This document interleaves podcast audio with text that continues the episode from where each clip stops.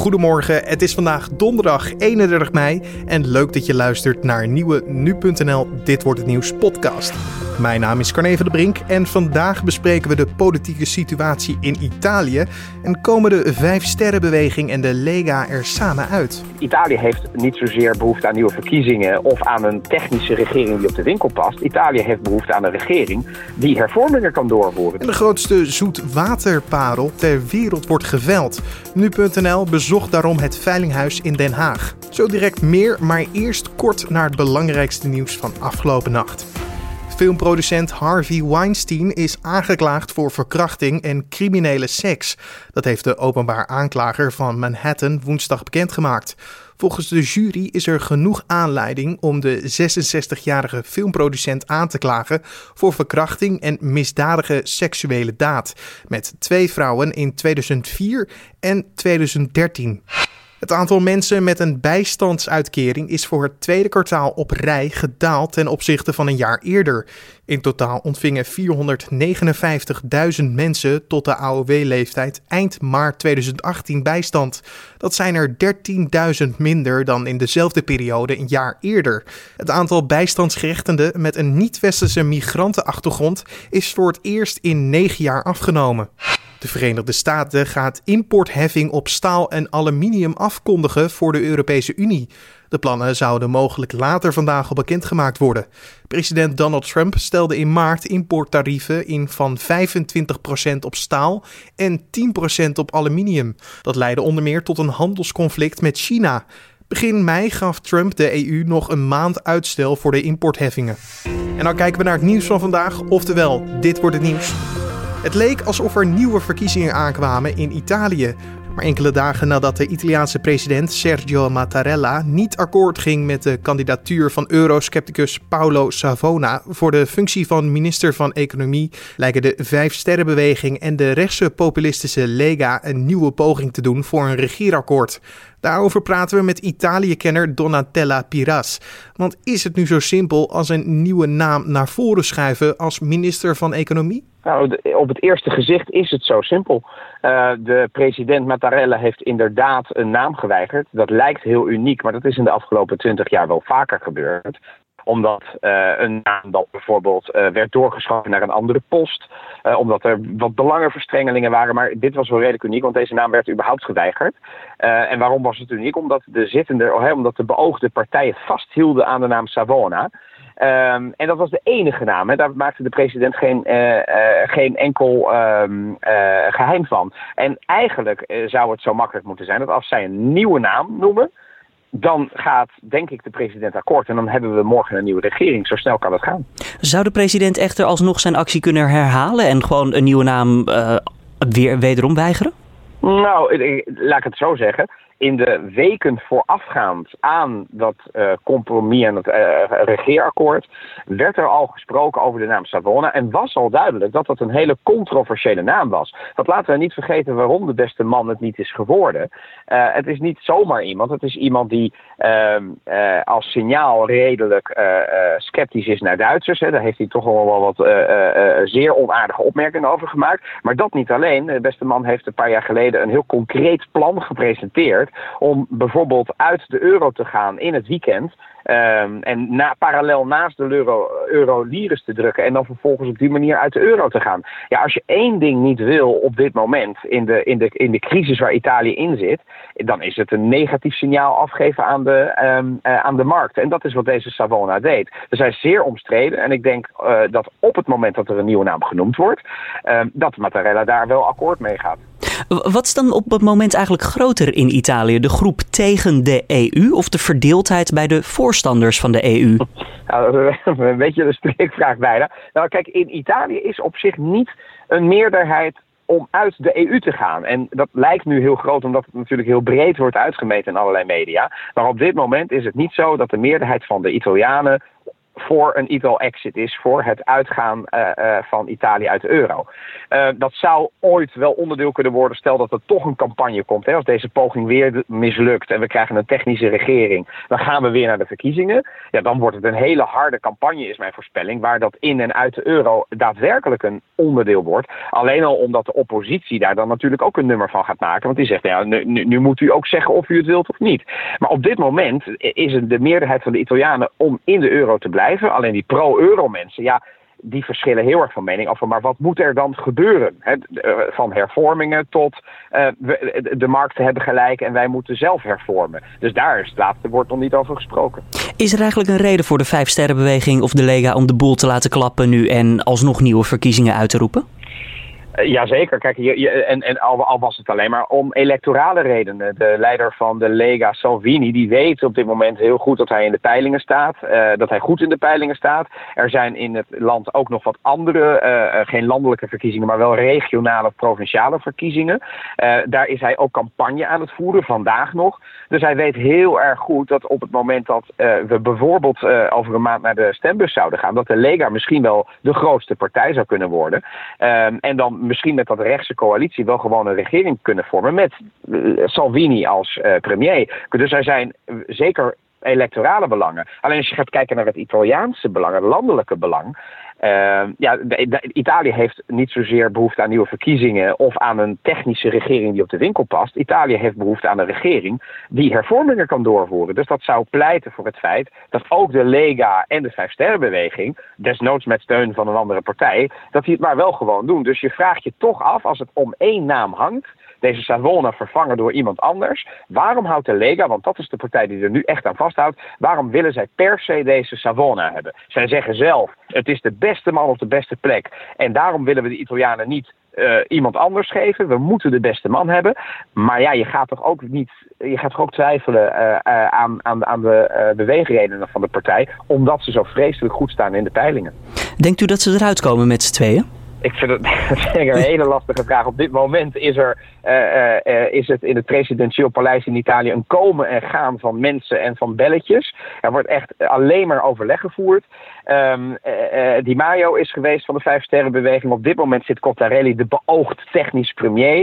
Um, en Salvini heeft een uur geleden nog een statement afgegeven van... joh, ik wil best weer naar die regering. Nou, dan moeten we dat toch weer met Savona doen. Waarvan hij toch al weet, als hij die naam alleen al noemt... heeft het geen schijn van kans. Dus ik, ik durf het niet te zeggen. Ieder uur gebeurt er nu iets.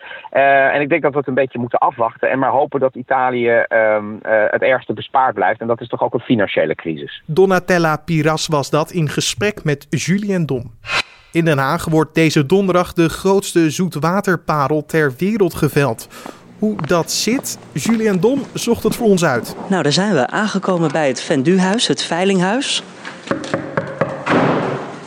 hallo. Dag. Ik ben Filomeen van het Hoofd. Welkom. Julien Dom, aangenaam, aangenaam. U heeft een hele mooie parel hier in het huis. Ik heb een hele bijzondere parel voor je. Wil je hem zien? We gaan kijken. We gaan kijken. Trap omhoog. Trap omhoog, overal deuren. Overal deuren, een heel oud pand. Het is een oude burgemeesterswoning. Oké. Okay. En erg mooi, bekleed. Ja, de parel is goed veilig weggestopt, kan ik... Uh... dat kun je hieruit afleiden. Hij staat niet zomaar eh, direct achter de voordeur uh, in een vitrine.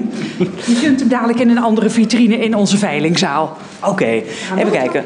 Allemaal deuren. Nog een deur. Een trappetje. Gaat ook open.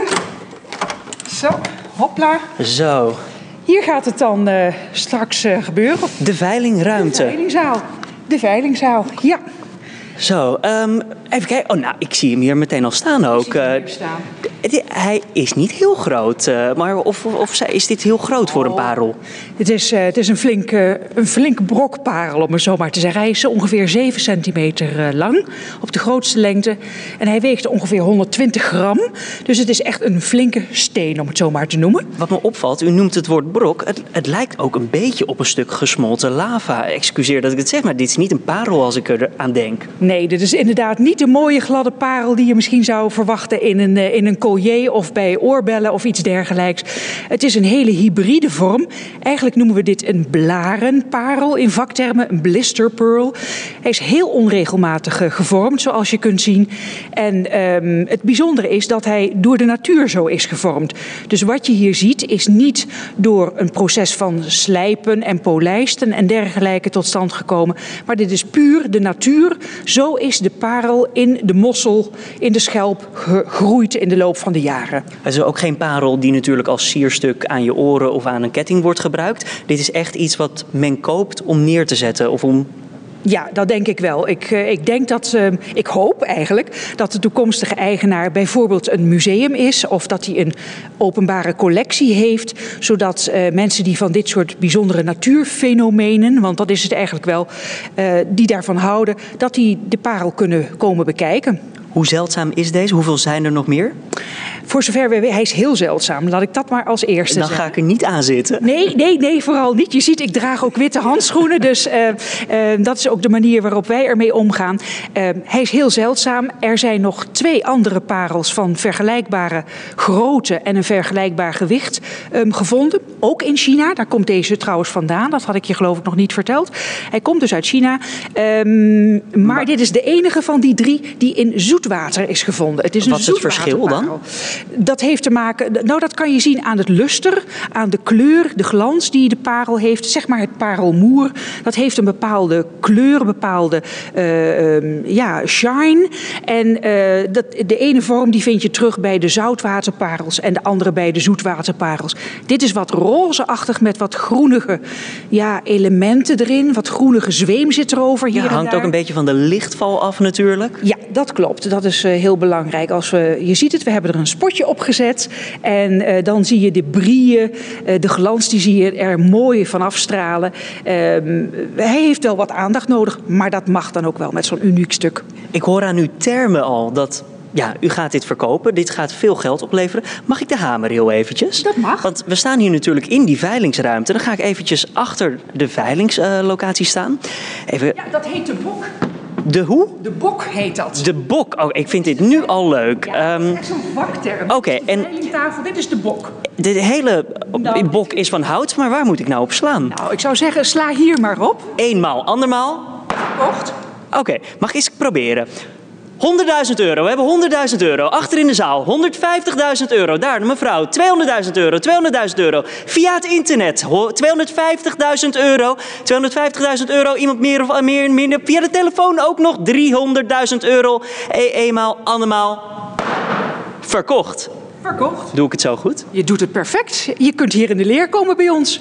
Nou, als, ik zou het hartstikke graag willen. Ik vind, dit, ik vind dit fantastisch leuk om te doen. Voor hoeveel gaat die parel uiteindelijk morgen ja, onder de hamer verdwijnen? Moeilijk precies te zeggen. Er is belangstelling voor. Je hebt uh, straks in mijn catalogus al kunnen meekijken dat de richtprijs 340.000 tot 540.000 euro is. Um, laten we zeggen dat, dit, dat die waarschijnlijk ergens daartussenin eindigt. En als het meer wordt? Dan zijn, springen we helemaal een gat in de lucht natuurlijk. Dan hebben we het heel goed gedaan. Um, zoals ik al zei, bij zo'n uniek stuk is het heel moeilijk om daar een precieze waarde aan te geven. Heeft natuurlijk een cultuurhistorische waarde, bijvoorbeeld voor China, omdat hij ooit in China is gevonden.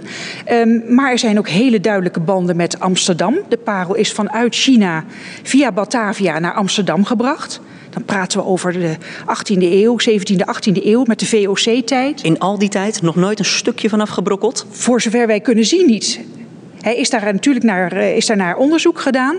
Ook om te kijken of er toch echt niet stiekem iets aan geslepen is. Of aan gepolijst is. Maar hij is echt nog puntgaaf zoals die is. Collega en blijkbaar soms ook veilingmeester Julien Dom hoorde je in gesprek met Filomeen van het hoofd van Venduhuis in Den Haag.